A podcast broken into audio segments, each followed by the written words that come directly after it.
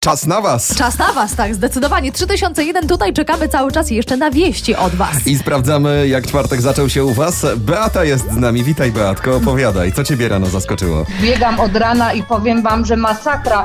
Jak myślałam, p- pójdę o 10, pobiegam, nikogo nie będzie, a tu pielgrzymki w lesie. To się okazało, proszę. No tak.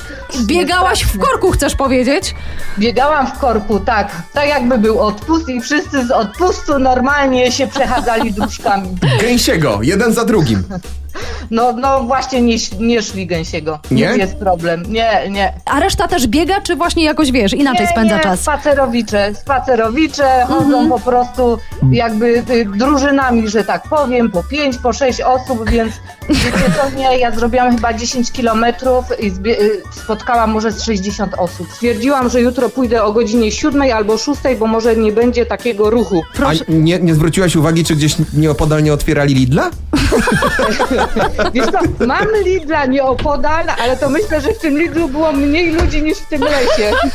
Słuchaj, czekam, aż zaczną e, teraz w parkach i lasach pasy malować, wiesz, będzie dla rowerów osobny, dla biegaczy osobny i osobny jeszcze Be- dla be- będą spacerowiczów. ulice jednokierunkowe. Otóż to! A można by było pomyśleć, że człowiek ma już dosyć izolacji. Beacie wciąż mało, proszę bardzo, w lesie chce być sama. Beatka, pozdrawiamy cię serdecznie, a na was czekamy wciąż. Numer znacie, piszcie na 3001, jak wasz czwartek się zaczął.